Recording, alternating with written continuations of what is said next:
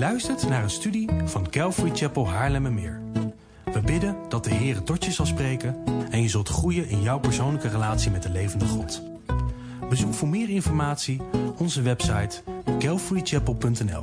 Dat is C-A-L-V-A-R-Y-C-H-A-P-E-L.nl. ben nu al een tijd bezig met de studies in Romeinen, maar dat hebben we even op, een, even op pauze gezet. Omdat we als leidersteam van de gemeente ook een belofte hebben gedaan richting jullie. En die belofte was dat wij het met jullie zouden hebben over oudsten en over diakenen. En dat we daarmee ook zouden aangeven hoe we verder willen binnen de gemeente met ehm, oudsten en met diakenen. En de vraag die we vandaag inderdaad met elkaar gaan behandelen, zoals op het scherm staat, is wat is een Bijbelse oudste? Want dat is een hele belangrijke vraag. Zeker met de specifieke focus op een Bijbelse oudste. Want er zijn veel ideeën over wat een oudste zou moeten zijn. Over hoe een oudste zou moeten doen, wat een oudste zou moeten doen, hoe die er zelfs uit zou moeten zien.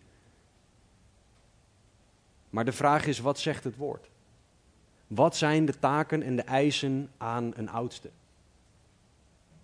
En wat heel erg belangrijk is, is dat dit niet alleen voor een select groepje is die mogelijk oudste zouden willen of kunnen worden.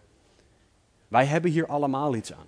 Dus denk niet dat dit een, een droge studie wordt, waardoor alleen jouw theologie meer opgebouwd wordt. Want we hebben al eerder gezien, theologie leidt tot doxologie, tot aanbidding. Dat hebben we gezien in Romeinen. Dus het opgebouwd worden over hoe God bepaalde dingen ziet, hoort ons hart op te bouwen richting God. En hoe zit dat nou met het onderwerp oudste? Nou, Romeinen 8, vers 29 zegt het volgende. Want hen die hij van tevoren gekend heeft, heeft hij er ook van tevoren toe bestemd om aan het beeld van zijn zoon gelijkvormig te worden, opdat hij de eerstgeborene zou zijn onder vele broeders. En het punt wat ik uit deze tekst wil halen is dat wij, christenen, bedoeld zijn om aan het beeld van zijn zoon gelijkvormig te worden. Dat is wat God voor jou, voor u en voor mij wil. Voor ons allemaal. Oudste of niet, diaken of niet. Hij wil dat wij allemaal op, op Jezus gaan lijken. In onze eigenschappen, onze attributen, in onze attitude, in onze houding en in onze activiteiten horen wij op Jezus Christus te gaan lijken. En het doel dat God daarmee heeft, is dat wij de taken zullen uitvoeren die Hij voor ons heeft. Efeze 2 spreekt over goede werken die Hij van tevoren voor ons bereid heeft. God is bezig om ervoor te zorgen dat een ieder van ons in staat gesteld wordt om te doen wat Hij wil dat we doen. En voor de een is dat oudste zijn. Maar voor de ander betekent dat iets heel anders. Maar het is niet zo dat God dan zegt, nou omdat deze persoon oudste is, heeft hij een streepje voor. Of een extra plusje achter zijn naam. En ik luister als God zijnde dus meer naar de gebeden van een oudste dan van iemand die geen oudste is. Zo zit God niet in elkaar. God heeft een doel met ons allemaal. Met jou, met u, met u en met mij. Met al onze levens heeft Hij een idee. En Hij wil dat wij op Jezus gaan lijken. En de eigenschappen van oudste waar we naar gaan kijken, zijn eigenschappen op een paar details na, die op iedere christen gelegd zouden moeten kunnen worden. Want iedere christen zou moeten groeien nadat wij meer op Jezus gaan lijken. En hoe meer je de eigenschappen van een oudste bestudeert, hoe meer je ziet dat dat gaat over aan Jezus Christus gelijkvormig worden. Alleen dan expliciet opgeschreven, aangevuld met een paar taken. Dat is wat een oudste is. En daarmee dus ook van tevoren al de oproep om niet te denken: het gaat over oudste, bijbeldicht, geen aantekeningen, ik luister wel alleen. Nee, God wil ook tot jou, tot uw en tot mijn hart spreken. Ook als oudste niet de roeping is voor jou of voor uw leven. Want Hij wil dat wij allemaal op Jezus Christus gaan lijken. Hij wil dat wij daar allemaal in groeien. En dat wij allemaal de taak oppakken die Hij voor ons heeft. Dus ga met dat in je achterhoofd luisteren naar de studie. Dus doe je Bijbel wel open alsjeblieft. En indien dat je dat doet, maak aantekeningen alsjeblieft. Omdat we allemaal mogen leren hoe God wil dat wij meer op Jezus Christus gaan lijken. En hoe Hij ons wil gebruiken voor de taken die Hij voor ons bereid heeft. Dus laten we bidden en daarna samen het woord ingaan. Heere God, dank u wel dat u voor ons zorgt. En dank u wel dat u in uw zorg voor uw kerk, dat u oudsten als een onderwerp meegegeven hebt. Dat u oudsten aangesteld wil zien in uw gemeente.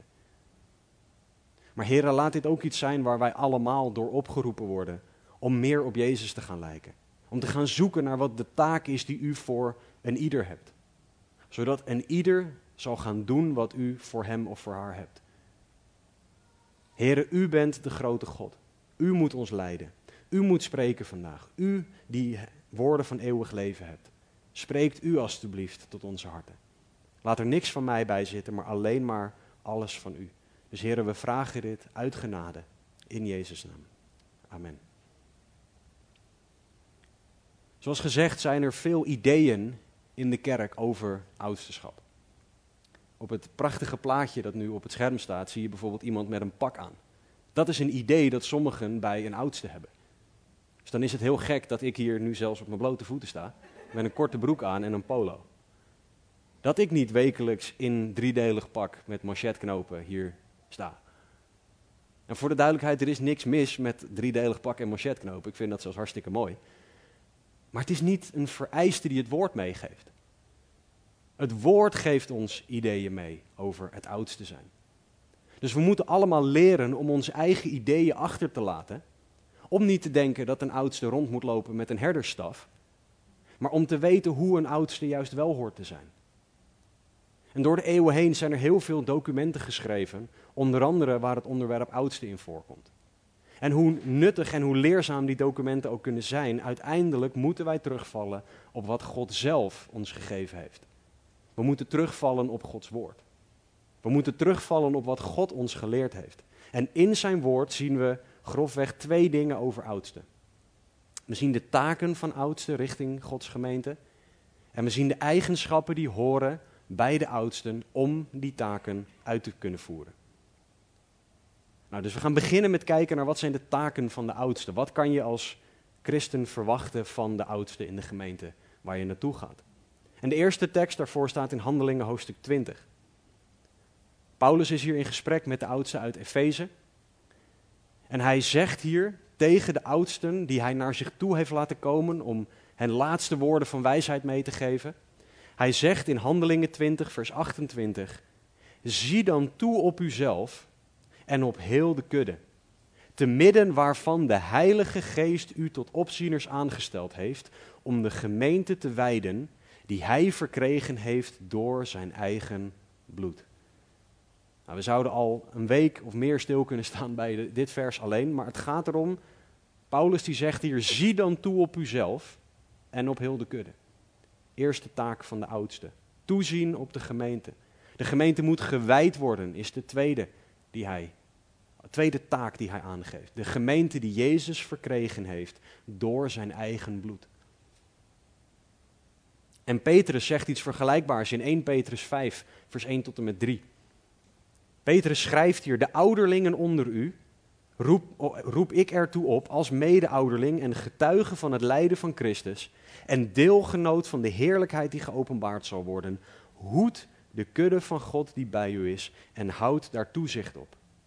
Niet gedwongen, maar vrijwillig. Niet uit winstbejag, maar bereidwillig. Ook niet als mensen die heerschappij voeren over het erfdeel van de Heer, maar als mensen die voorbeelden voor de kudde geworden zijn. Handelingen 20 en 1 Petrus 5 laten ons hier zien, toezien op de gemeente en het, en het wijden of hoeden van de gemeente. Dat zijn de primaire taken van een oudste. Dat is wat God meegeeft. Dat is wat God eist als takenpakket.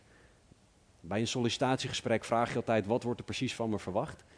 Nou, dit is wat God van tevoren al neerlegt. Dit is wat er verwacht wordt van een oudste toezien op de gemeente en het wijden en het hoeden van de gemeente.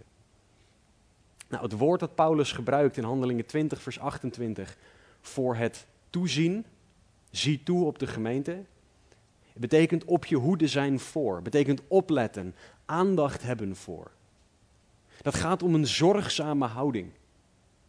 Dat gaat over bezig zijn met, over uitkijken voor het welzijn van de ander. En in dit geval voor de gemeente. En de oudste moet dus op zijn hoede zijn voor de gemeente. Hij moet op de gemeente letten. Hij moet aandacht hebben voor de gemeente.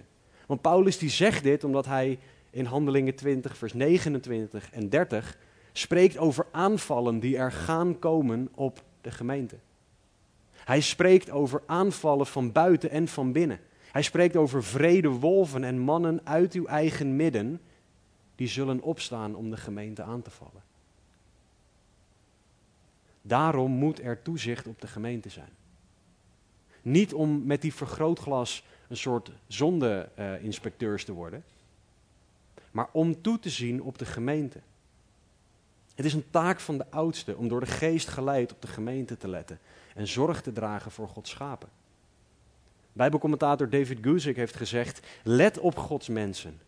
Heb ze lief, overzie ze, zorg voor ze.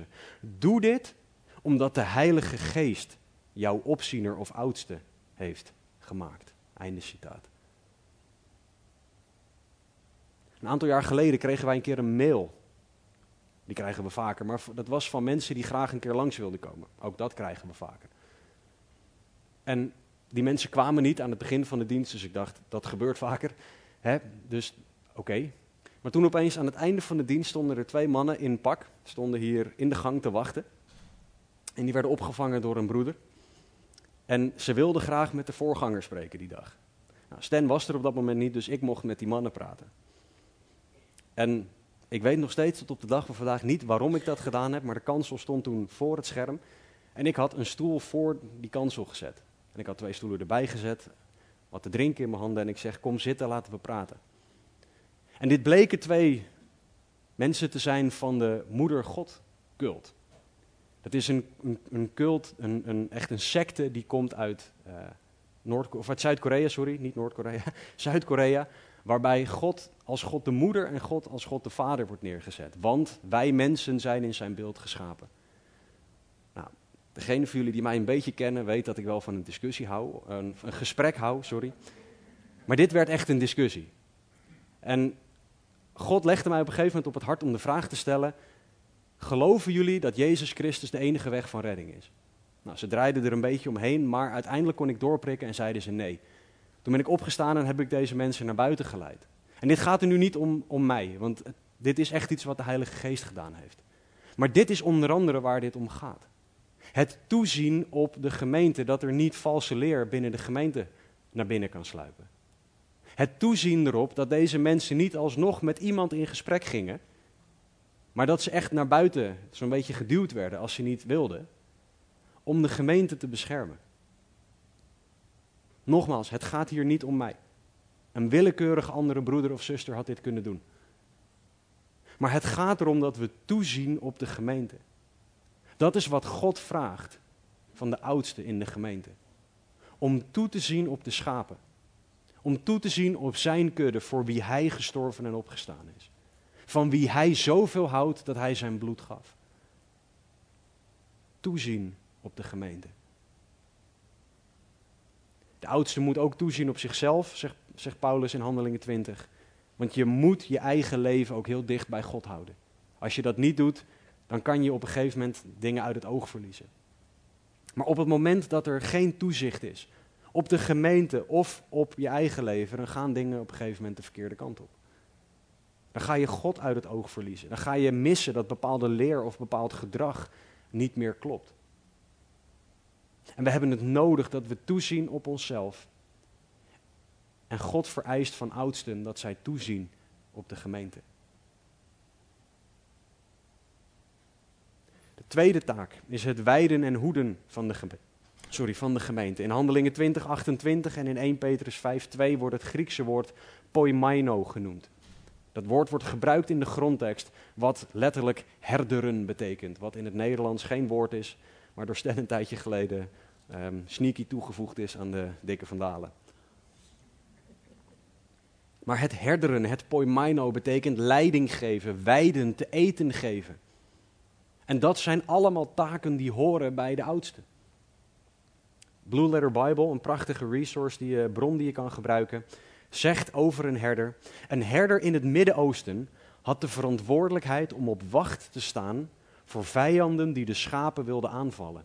De schapen te verdedigen tegen aanvallers. Om gewonde en zieke schapen te verzorgen. Om te zoeken naar en het vinden van vastzittende schapen. De schapen lief te hebben. In het leven van de schapen te delen. En het vertrouwen van de schapen te winnen. Einde citaat. Dit is ultiem wat de Heer Jezus voor ons doet. Want Hij is de goede herder. Jezus is degene die ons echt verdedigt. Die ons verzorgt. Die ons zoekt en vindt. Die ons lief heeft. Die deelt in ons leven. En op wie wij meer mogen gaan vertrouwen. Maar God heeft de taak aan een oudste meegegeven om een soort onderherder te zijn. Niet dat een oudste daarmee Jezus is en dat je op die manier met een oudste moet omgaan. Alsjeblieft, doe dat niet. Een, oudste is gewoon een broeder. Maar één met een specifieke taak. Om de kudde te wijden en te hoeden.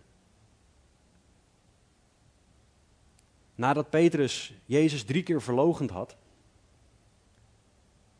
herstelde Jezus Petrus. En hij gebruikte dezelfde beeldspraak als de taak die aan een oudste wordt gegeven in Johannes hoofdstuk 21.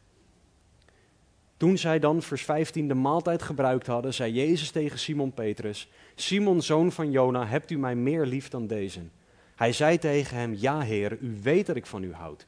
Jezus zei tegen hem: Wijd mijn lammeren. Jezus zei opnieuw tegen hem voor de tweede keer: Simon, zoon van Jona, hebt u mij lief? En hij zei tegen hem: Ja, Heer, u weet dat ik van u houd. Jezus zei tegen hem: Hoed mijn schapen. Jezus zei voor de derde keer tegen hem: Simon, zoon van Jona, houdt u van mij? Petrus werd bedroefd omdat hij voor de derde keer tegen hem zei: Houdt u van mij? En hij zei tegen hem: Heere, u weet alle dingen. U weet dat ik van u houd. Jezus zei tegen hem derde keer: Wijd mijn schapen. Wat God hier instelt, wat Jezus hier instelt, is zorg voor zijn schapen. Zorg voor zijn kerk. De kerk die hij met zijn bloed gekocht heeft, die laat hij daarna niet aan het lot over. Nee, hij zorgt voor ze. Hij zegt dat de lammeren gewijd moeten worden, de schapen gehoed en de schapen gewijd moeten worden. In vers 15, 16 en 17. En ook dit zou een studie op zich kunnen zijn, maar ik probeer het wat korter te houden. De samenvatting is dat lammeren of jonge schapen gevoed moeten worden door de oudste. Ze moeten het voedsel krijgen dat ze nodig hebben om te kunnen groeien. We zijn gezegend met een, met een babytje die nu iets meer dan acht maanden oud is. Ik zet haar ook geen steek voor met een mes en een vork en loop daarna weg en zeg heel veel succes. Ze begint nu net dingen te eten en te kauwen op van alles. Dan moet ik haar niet iets geven wat ze niet kan handelen. De oudste moet de lammeren, de jonge schapen, geven wat zij nodig hebben. Vers 16 van Johannes 21, of Johannes 21, ehm, ja, wordt opeens gesproken over schapen. Die zijn ouder dan lammeren. En die schapen moeten gehoed worden. Kijk maar naar wanneer kinderen wat ouder worden, dan hebben ze sturing nodig in welke richting ze moeten gaan. Ook al vinden ze dat niet altijd leuk, ze hebben het nodig. Dat is wat een oudste hoort te geven. Dus de, de, de schapen die ouder geworden zijn, hebben leiding nodig. Hebben richting nodig in hun leven. Op basis van Gods woord, voor de duidelijkheid. Niet op basis van wat een oudste zelf leuk vindt. En het derde punt dat Jezus maakt is: de schapen moeten gevoed worden. De schapen hebben voeding nodig. Dat is wat de kudde nodig heeft. En dit is de taak waarvoor Jezus, die de opperherder is, oudsten aanstelt. Hij wil goede zorg voor zijn schapen. Dus daarmee ook is het oudsteschap iets voor ons allemaal om dankbaar voor te zijn. Want het laat zorg en liefde vanuit onze hemelse papa zien. Het laat zien dat hij zoveel van ons houdt dat hij mensen wil gebruiken om voor ons te zorgen. Om ons te geven wat we nodig hebben. Om ons die zorg en die liefde te geven zoals Hij die ingesteld heeft. Toezien op de schapen, het weiden en het hoeden van de schapen. De taken van de oudste. In een sollicitatiegesprek wil je dan ook weten, oké, maar dat moet ik doen, waar moet ik aan voldoen? We hebben gekeken naar wat moet je doen. Nou, waar moet je aan voldoen? De Bijbel geeft ons twee lijstjes. In 1 Timotheus 3 en Titus 1. Laten we die, die beide lijsten lezen, omdat ze allebei nuttig zijn. Dus 1 Timotheus 3, vers 1 tot en met 7, daar staat het volgende. Dit is een betrouwbaar woord. Als iemand verlangen heeft naar het ambt van opziener, begeert hij een voortreffelijk werk. Een opziener nu moet onberispelijk zijn, de man van één vrouw, beheerst, bezonnen, eerbaar, gastvrij, bekwaam om te onderwijzen, niet verslaafd aan wijn, niet vechtlustig, niet uit op schandelijke winst, maar welwillend, niet strijdlustig en zonder geldzucht.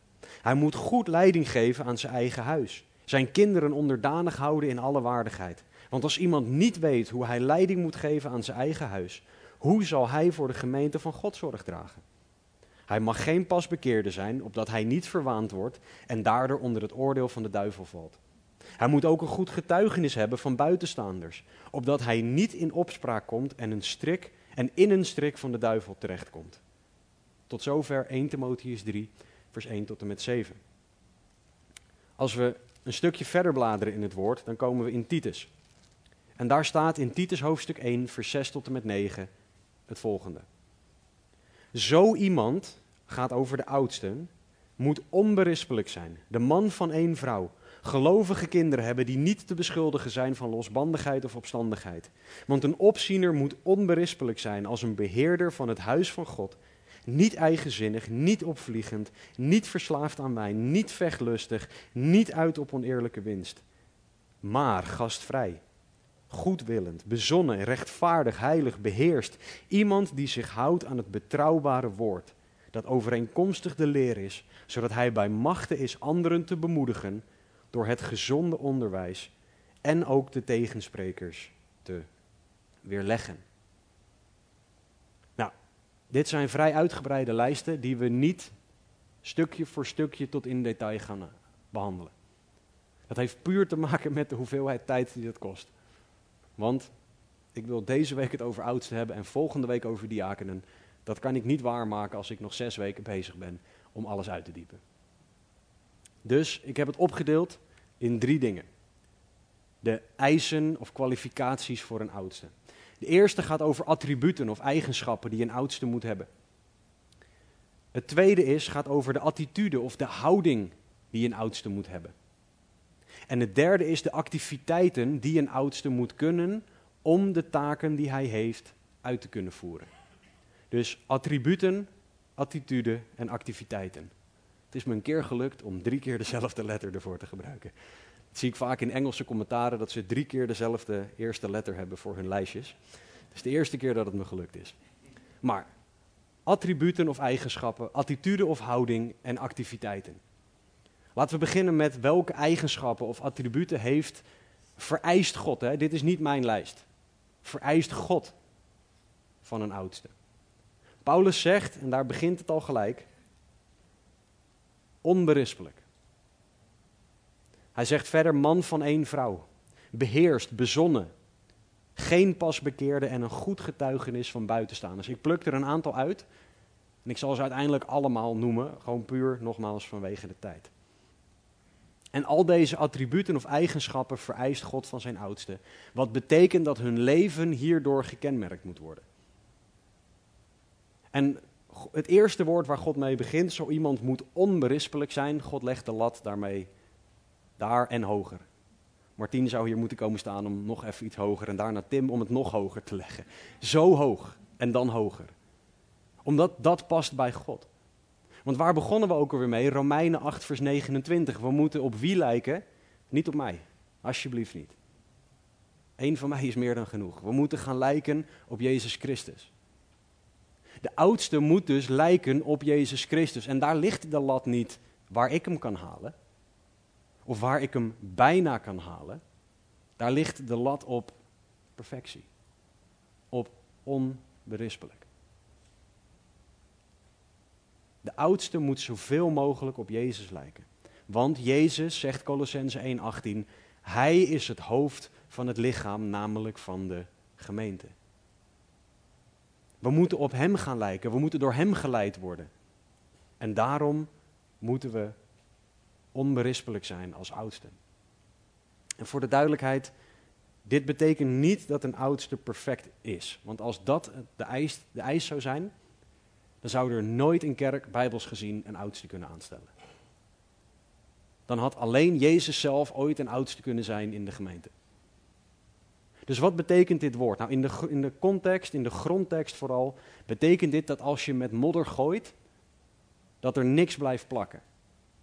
Dat er geen zonde, grove, onbekeerde zonde is, geen patroon van zonde waar de persoon op aan te klagen is. Aanklachten van structureel zondig gedrag moeten ongegrond zijn. Want voor de duidelijkheid, ik ben een van de oudsten binnen deze gemeente. Ik ben niet perfect. Ook ik zondig. Als dat een verrassing voor jullie is, dan hoop ik dat ik die nu uit de wereld geholpen heb. Ik ben net zo'n zondaar als jullie. Maar het gaat erom dat God van een oudste vereist dat je onberispelijk bent. Dat er geen patronen van zonde zijn. Dat als iemand met modder zou gooien, dat het zou blijven, blijven plakken. Ik moet ook bereid zijn, om natuurlijk binnen mate van wat normaal is, gewoon mijn leven helemaal open en bloot neer te leggen. Mijn browse, browsinggeschiedenis op mijn laptop moet bijvoorbeeld niet iets zijn waarvan ik denk, oh, ik hoop niet dat iemand die ooit ziet. Of dat mijn telefoon niet toegankelijk is voor mijn vrouw, omdat ik daar appjes op heb staan die zij echt niet mag lezen.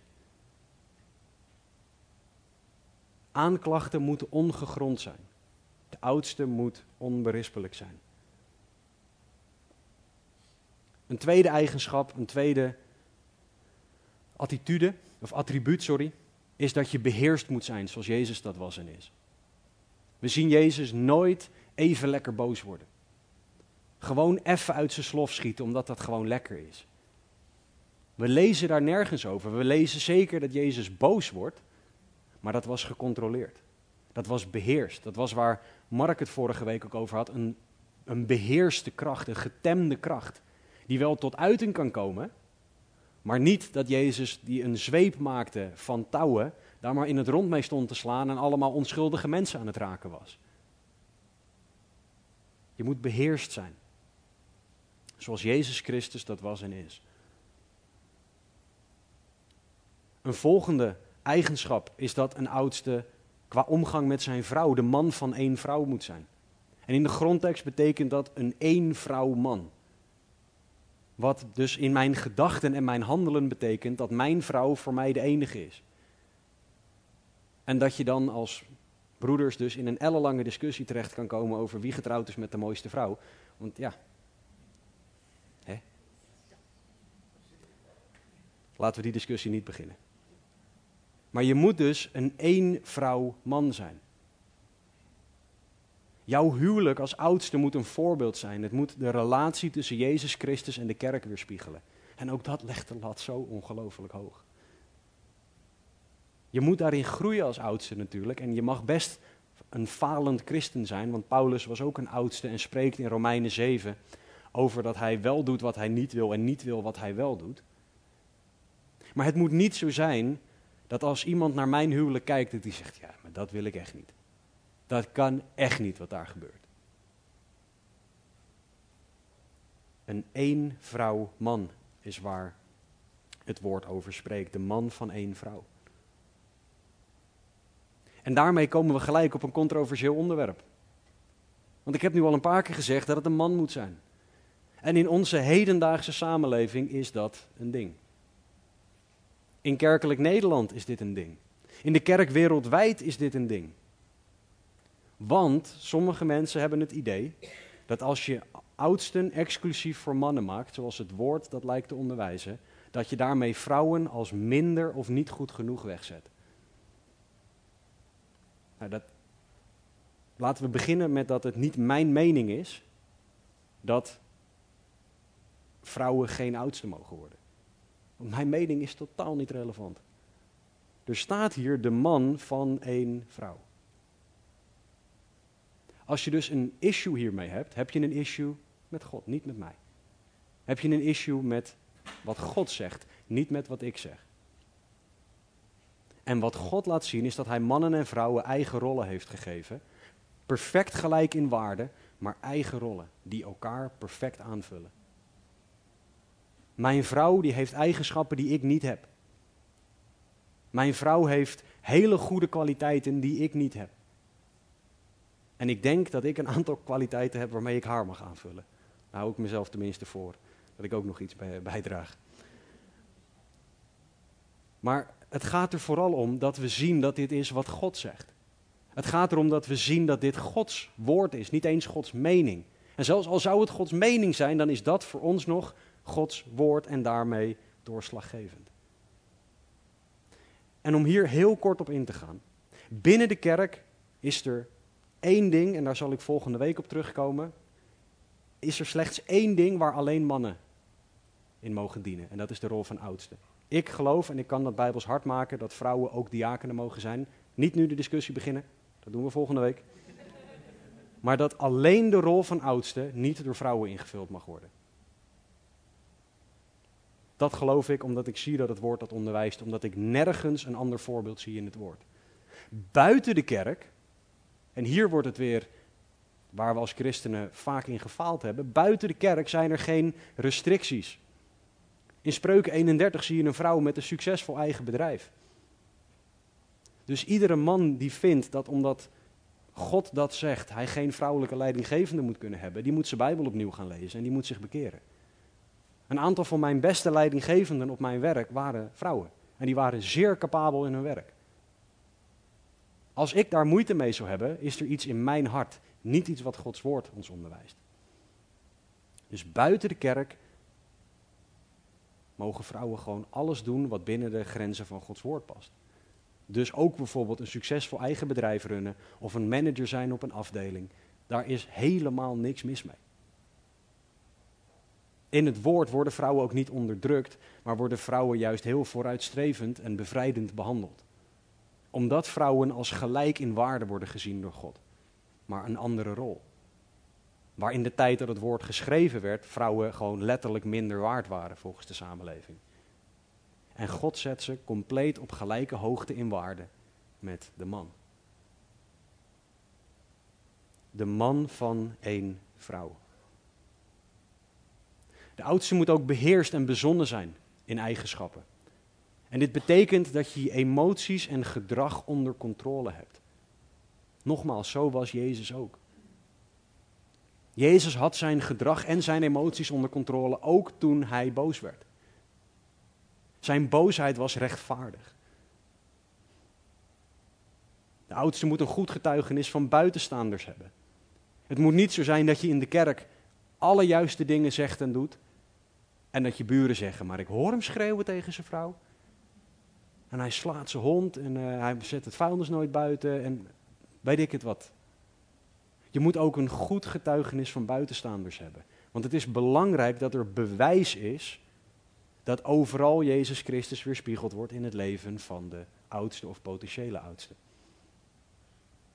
En de laatste eigenschap is dat de oudste geen pasbekeerde mag zijn. Het is niet zo dat iemand de gemeente binnenkomt, een succesvol manager is, tot geloof komt en dan zegt: Ik word oudste, want kijk eens hoe goed ik ben. Geen pasbekeerde, want die wordt te makkelijk heen en weer geslingerd en daardoor onder het oordeel van de duivel. En zal daardoor onder het oordeel van de duivel vallen, zegt 1 Timotheus 3:6. En wat de details daarvan zijn, laat ik ook vanwege de tijd even voor wat het is. Maar de eigenschappen en attributen van een oudste horen dus allemaal op Jezus Christus te lijken. In, je, in wie je bent hoor je op Jezus Christus te lijken. Wat heel belangrijk is, is er staat hier niet dat het de meest charismatische persoon in de gemeente moet zijn. Qua hoe die is en hoe die doet. Er staat ook niks over dat plaatje wat we zagen met dat hij daar in pak staat met een hele mooie stok. Het is een prachtig plaatje, maar het laat wel zien hoe een oudste niet per se hoeft, eruit hoeft te zien. Er staat niks over dat hij de meest geweldige spreker is die je maar kan hebben. En dat hij net zo goed spreekt als, en vul de voorganger maar in, waar je via het internet naar luistert. Dat staat er allemaal niet. Ook niet in de overige eigenschappen en in de overige vereisten staat iets over kleding, charisma, hoe geweldig die persoon kan spreken, etc. Dat is allemaal geen bijbels vereiste voor een oudste. Laten we dus bijbels kijken naar een oudste, bijbels denken over een oudste. De tweede categorie waar we naar zouden gaan kijken ging over attitude of houding. En de houding van de oudste is minimaal net zo belangrijk als de eigenschappen of de attributen. De houding van de oudste moet eerbaar, gastvrij, niet strijdlustig, niet vechtlustig, niet opvliegend, niet uit op oneerlijke of schandelijke winst, maar juist welwillend, niet eigenzinnig, heilig en niet verslaafd aan wijn. Ook hier, dit is een leven dat op Jezus lijkt. Dit is een leven dat de ander op Jezus wijst. En dit zijn houdingen die alleen God in ons kan leggen. Want al deze dingen zijn niet natuurlijk van onszelf. De oudste moet een eerbaar leven hebben of een ordelijk leven. De oudste moet gastvrij zijn. Mensen moeten zich welkom voelen, er graag komen, maar ook echt verwelkomd worden. En dit is een houding van het hart. Ik leer hier persoonlijk heel veel in van mijn vrouw. We, hadden, zaten gisteravond op de bank en ehm, onze kinderen weten dit niet, maar er ligt een zak chips bij ons ergens boven weggestopt. En als er iemand is in ons huis die heel erg van chips houdt, dan ben ik het. Dus het is vaak zo dat als Amit chips haalt voor de kinderen, dat ik op een gegeven moment vraag, uh, voor wie is die zak chips eigenlijk? En dan voelt zij de al hangen, dan is die de zak chips, dan is die vijf minuten later leeg of zo. Ik moet bereid zijn om de dingen die ik graag wil hebben voor mijzelf, de dingen die ik lekker vind, om die aan een gast te geven. Ik moet bereid zijn om wat ik graag zou willen opeten, om daarvan te zeggen: neem jij het maar. Zodat de ander zich welkom voelt. Ik leer hier heel veel in van mijn vrouw, omdat zij die houding heel erg heeft. En ik hem nog een stukje mag leren. De oudste moet verder niet strijdlustig, vechtlustig of opvliegend zijn. Hij moet geen ruzie zoeken, geen vechtersbaas zijn, niet snel boos of opvliegend zijn. Hij moet zijn emoties onder controle hebben. En ook dit is een houding van het hart. Want als er iets ontploft, als dingen tegenzitten, hoe reageer je dan? Reageer je dan strijdlustig, vechtlustig, opvliegend? Of reageer je naar Gods standaard? De oudste moet niet bekend staan om boosheid, om vechten, om ruzie. Maar hij hoort juist woorden en daden van vrede te hebben en daarom bekend te staan. En dit bekend staan, wat ik noem, en dat geldt voor alle eigenschappen, voor alle houding, dingen die er genoemd wordt, is niet alleen naar buiten. Maar je zou aan mijn kinderen moeten vragen, moeten kunnen vragen, aan mijn vrouw moeten kunnen vragen, of dit is hoe ik ben. Want als mijn kinderen een ander beeld geven dan wat ik jullie geef, dan, is, dan klopt er iets niet.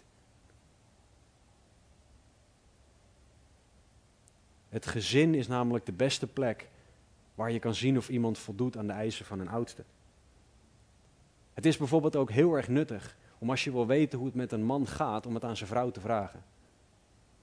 Niet dat mannen standaard liegen, al gebeurt het soms wel, dat, zijn, dat doen we wel eens. Maar het is goed om degene die heel erg dichtbij staat, om die te vragen hoe het gaat. En dat geldt vice versa ook. Hoe gaat het met je vrouw? Om dat dus, als je wil weten hoe het met de vrouw in een huwelijk gaat, om dat aan de man te vragen. Je hoort bekend te staan om eigenschappen, om een houding die op Jezus lijkt. Paulus schrijft dat de oudste ook een heilig leven moet hebben. Dat de standaard van heilig in het leven van de oudste moet regeren. Omdat dat is zoals God is. Zoals ook 1 Petrus 1 ons leert en Leviticus. En dit is een houding in je hart en in je hoofd. Dat je weet dat God overal bij is. Dat wat je ook doet, God er is.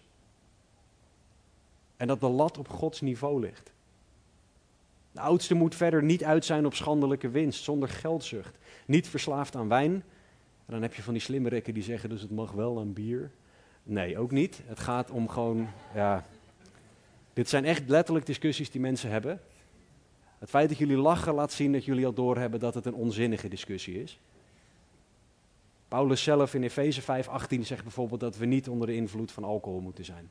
Dus maar ook niet uit op schandelijke winst, zonder geldzucht en niet verslaafd aan wijn passen bij heilig. Als je terug zou gaan kijken van heilig naar alle andere dingen, dan hoort heilig de standaard te zijn. En dat is wie God is. En dan zijn we weer terug bij het begin van de studie. Meer op Jezus Christus lijken. En dat geldt dus ook voor ons allemaal. Al deze dingen, die, ja, die horen bij een oudste te zijn. Maar die horen bij ons allemaal, ongeacht of je een oudste bent, wilt worden of niet. Al deze dingen horen te groeien in jou, uw en mijn leven. Al deze dingen horen wij meer in op Jezus Christus te gaan lijken. Want dan worden wij nuttig voor God om de taken uit te voeren die Hij voor ons heeft.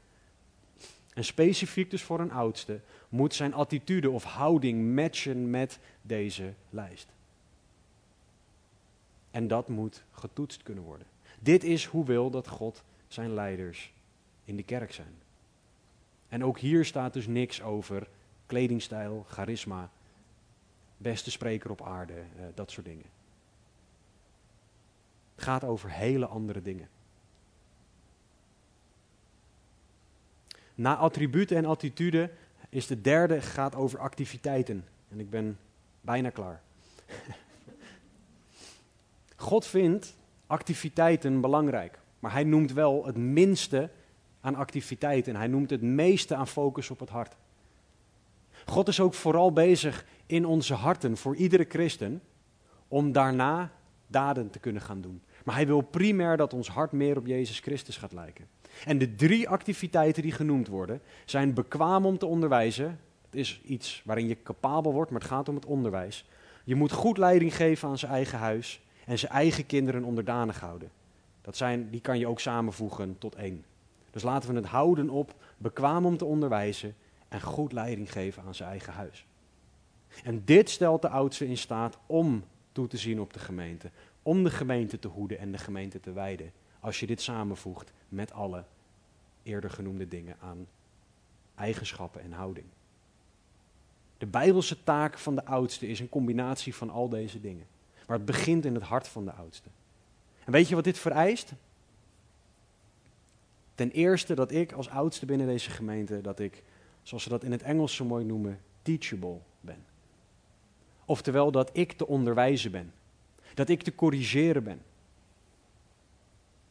Want misschien nog een, een, een nieuwtje voor jullie. Een oudste heeft niet altijd gelijk. Het gebeurt wel eens dat ik het mis heb. Nee hoor, het gebeurt vaak genoeg dat ik het mis heb. Ook dit is een houding van je hart. Ben ik corrigeerbaar? Als Taco mij ergens op wijst, dat ik niet zeg, wie ben jij? Ik ben de oudste. Je wil niet weten hoeveel mensen die houding hebben. Hoeveel broeders en zusters richting elkaar die oudste hebben. Wie ben jij om tegen mij iets te zeggen? Ik ben al zoveel langer christen dan jij. Of ik sta vooraan. Of ik doe het geluid. Of ik doe, ik doe, ik doe, ik ben. En dan gaan we voorbij aan dat wij allemaal corrigeerbaar moeten zijn. En dat God dat in ons allemaal wil doen. Dat is wat dit vereist. Dat is wat het vereist om een oudste te zijn. Als ik namelijk niet langer corrigeerbaar ben, dan zeg ik eigenlijk tegen God, toedeledokie, ik weet het beter. Want u wil door, als ik even Taco als voorbeeld neem, door Taco tot mijn hart spreken. Maar het feit dat u verkiest om via hem te spreken, betekent dat ik niet hoef te luisteren. Hoe trots ben ik als dat de houding van mijn hart is? Hoe niet op Jezus lijkend is mijn hart als ik dat doe? Is jouw, uw hart als wij correctie niet aannemen op de manier zoals God het bij ons wil brengen? De oudste moet bekwaam zijn om te onderwijzen. Dit betekent niet dat je een lerarenopleiding gedaan moet hebben. geweldig moet kunnen presenteren. Dit betekent zelfs ook niet dat je een theologische opleiding gedaan moet hebben. Hoe waardevol die ook kan zijn. Want alle apostelen hadden maar een marginale theologische opleiding. Maar een klein beetje. Namelijk dat wat ze vanuit de synagoge hadden meegekregen. Maar ze hadden geen seminarie gedaan. Ze hadden geen Oud-Hebreeuws en Grieks bestudeerd. Ze hadden niet al die dingen gedaan. Is het goed? Als het een goede opleiding is, prijs de Heer. Ik hoop het zelf ooit ook nog op een dag te doen. Maar iets met tijd. Wat het enige dat dit betekent, bekwaam om te onderwijzen, is dat jij Gods woord kan doorgeven. Dat jij Gods woord kan meegeven aan een ander op een manier dat hij of zij het begrijpt. Betekent niet dat jij alle antwoorden klaar moet hebben en als een soort wandelende encyclopedie moet zijn. We moeten juist leren en het voorbeeld geven van teruggaan naar Gods woord. Het voorbeeld geven van laten we samen bidden. Bekwaam om te onderwijzen. En dit leidt ook naar dat je goed zorg draagt voor je gezin, ook voor je kinderen. Dat je goed leiding geeft aan je gezin en je kinderen onderdanig houdt. Dit gaat zowel over de praktische als de geestelijke zaken. Je kinderen om leren gaan met geld. Je kinderen trouw leren zijn aan hun woord. Maar ook ze letterlijk onderwijzen in het woord van God. En wat heel erg belangrijk is, is dat dit meer is dan alleen de Bijbel voorlezen. Een hele goede spreker, die uh, een heel stuk grappiger is dan ik, maar dat is Gail Irwin. Die heeft een keer gezegd: Ik heb mijn kinderen geprobeerd tafelmanieren bij te brengen, maar uiteindelijk eten ze zoals ik. Dat is hoe kinderen leren. Ze kijken naar wat wij doen. En daarom is het ook zo heftig af en toe om je kinderen dezelfde fouten te zien maken als jij. Want ze doen precies wat ze in jou zien. Je kinderen onderdanig houden, je kinderen leiding geven, gaat dus ook vooral om een goed voorbeeld geven. Welk voorbeeld geef jij als ouder aan je kind? Denk eens na over het voorbeeld dat je geeft. Is dat het voorbeeld dat op Jezus lijkt? In Titus 1,6 staat er dat je gelovige kinderen moet hebben. Dat gelovige, dat gaat om het woord pistis in het Grieks, dat kan ook vertaald worden als trouwe kinderen. En dit is ook weer een onderwerp voor veel discussie. Want als geloof een keuze is, zoals ik dat denk ik in het woord zie staan, dan kan Paulus niet eisen dat kinderen op een gegeven moment ook echt gered zijn. Want dan zou hij vereisen dat kinderen die keuze maken en dat als een kind die keuze niet maakt, dat iemand niet langer oudste is. De andere, het andere perspectief is dat geloof geen keuze is, dat het iets is wat God je bovennatuurlijk geeft, zonder dat jij er zelf enige invloed op hebt. Dat zou vereisen dat voor elke oudste de kinderen automatisch ook uitverkoren zijn en daardoor dat geloof gaan krijgen. Zou Paulus dat echt zeggen? Of betekent dit dat jij als ouders je kinderen bijbels moet opvoeden? Dat jij je uiterste best moet doen. En dat zolang ze onder jouw gezag staan, ze moeten leven naar bijbelse standaarden. En dat op het moment dat een kind weigert, en structureel weigert om naar een bijbelse standaard te luisteren, dat je daar als ouder ook een bijbelse consequentie aan verbindt. Met bijvoorbeeld ultiem dat je op basis van bijbelse gronden, niet wat ik vervelend vind, je kind zelfs uit huis zou kunnen zetten en kunnen zeggen: Jij valt niet langer onder mijn ouderlijk gezag op deze manier. Ik ben nog steeds je ouder, ik hou van je, maar jij kan niet langer op deze manier rebels onder mijn gezag leven. Is dat wat meer klinkt als onze God? Of vereist hij dat mijn kinderen uitverkoren zijn, of dat mijn kinderen moeten gaan geloven, anders moet ik mijn oudsteschap opgeven? Ik neig, ik geloof dat God wil dat ik bijbels met mijn kinderen omga. Dat ik ze het woord meegeef en dat ik mijn uiterste best doe om ze voor die keuze te stellen. En dat ze daardoor mogen leren kiezen voor God. En dat als ze daar niet voor kiezen, dat zij dat moeten uitvogelen met de Heer. Dat ik ze moet blijven liefhebben, ze moet blijven leiden naar God. Maar dat ze wel een eigen verantwoordelijkheid hebben. We hebben gekeken naar de eigenschappen, naar de houding en naar de activiteiten van een oudste. En al deze dingen stellen de oudste in staat om de, op toe te zien op de gemeente. Om de gemeente te wijden en te hoeden. En daar horen bepaalde eigenschappen bij. Maar deze eigenschappen zie je niet in één keer na vijf minuten in iemand. Dit moet geobserveerd worden, dit moet zichtbaar worden. Daarom zegt het woord ook dat je niet haastig de handen moet opleggen. Om te voorkomen dat je te snel een oudste aanstelt. Die verantwoordelijkheden draagt die hij nog niet kan dragen. Dit vereist onderzoek en bevestiging. En daarom staat er ook bijvoorbeeld in 1 Timotheus 3 vers 1 dat iemand verlangen moet hebben naar het ambt van opziener. Daar moet het al mee beginnen. Want als dat er niet is, God kan dat verlangen geven voor de duidelijkheid. Het moet iets zijn wat God geeft. Maar je moet het in eerste instantie ook willen. En je moet het ook willen om die attributen, die attitudes en die activiteiten te hebben en te doen. En je moet het willen om God en de gemeente te dienen. Dit is iets wat je dus als leiders van de kerk mag verwachten. Dit is wat God als vereisten voor oudsten op tafel legt. En dit is waar wij allemaal in mogen groeien. Want wij allemaal mogen meer op Jezus Christus gaan lijken. Wij allemaal horen deze attributen, attituden en deze, tot op zekere hoogte ook deze activiteiten te hebben. Het is niet zo dat je kan zeggen dat is voor, voor, voor hun, voor, voor, voor de oudste en ik hoef dit niet te doen. Ik hoef niet bezonnen, eerbaar, onberispelijk en al die dingen te zijn. Want ik ben geen oudste. Romeinen 8:29. Hij heeft ons ertoe van tevoren toe bestemd om aan het beeld van zijn zoon gelijkvormig te zijn. Dus het is wel voor jou. Het is wel voor u. Het is wel voor mij dit alles. Paulus omschrijft hier zoals eigenlijk elke christen zou moeten zijn of gaan zijn. We mogen hier allemaal naartoe groeien. Dus de vraag is, omschrijven deze eigenschappen, deze houding en deze activiteiten jou? Als niet, vraag God om jou meer op Jezus Christus te gaan laten lijken. Deze lijst omschrijft een man, maar uiteindelijk een mens die door God gebruikt kan worden. Iemand die de door God gegeven taken kan gaan invullen, wat die taken dan ook zijn. Maar ben jij bereid om die taak op te pakken? En een hele belangrijke vraag is: laat jij je ook dienen door een oudste? Iets om praktisch met de Heer mee te gaan worstelen. Laat jij je dienen door de oudsten? Of heb je een reden om dat niet te doen? Heb je een reden om advies af te wijzen? Want het komt van. Heb je een reden om niet te luisteren? Om je hart niet te openen? Heb je een reden om?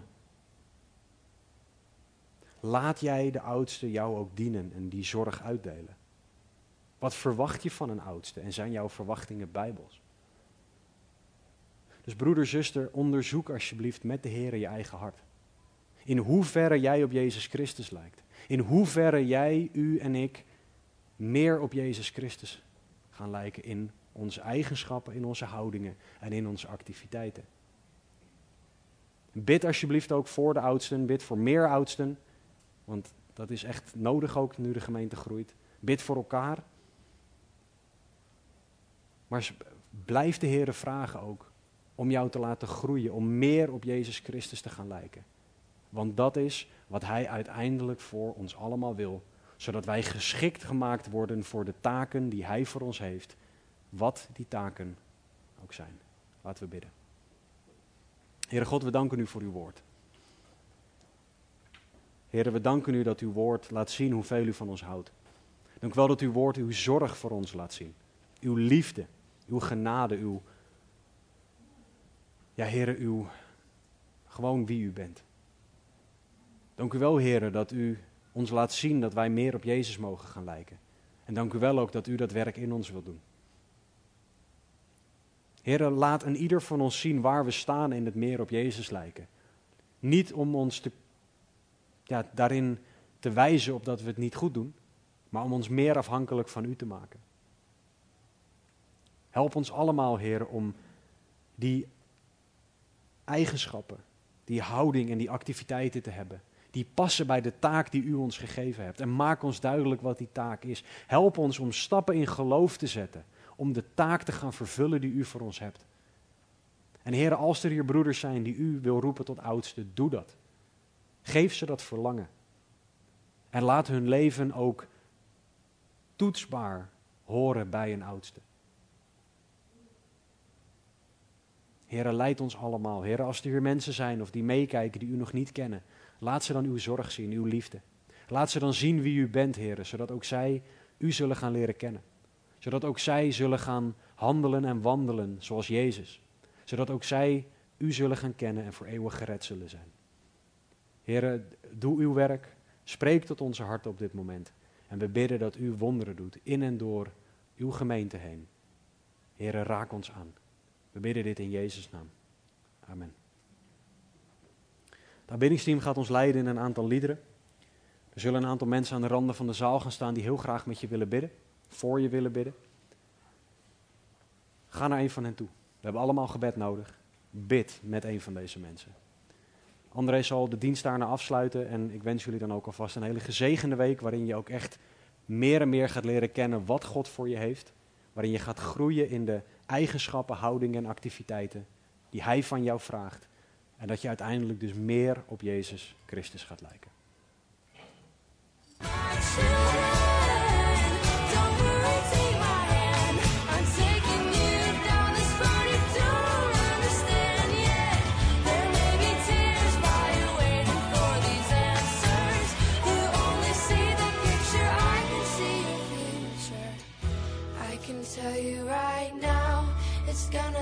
call.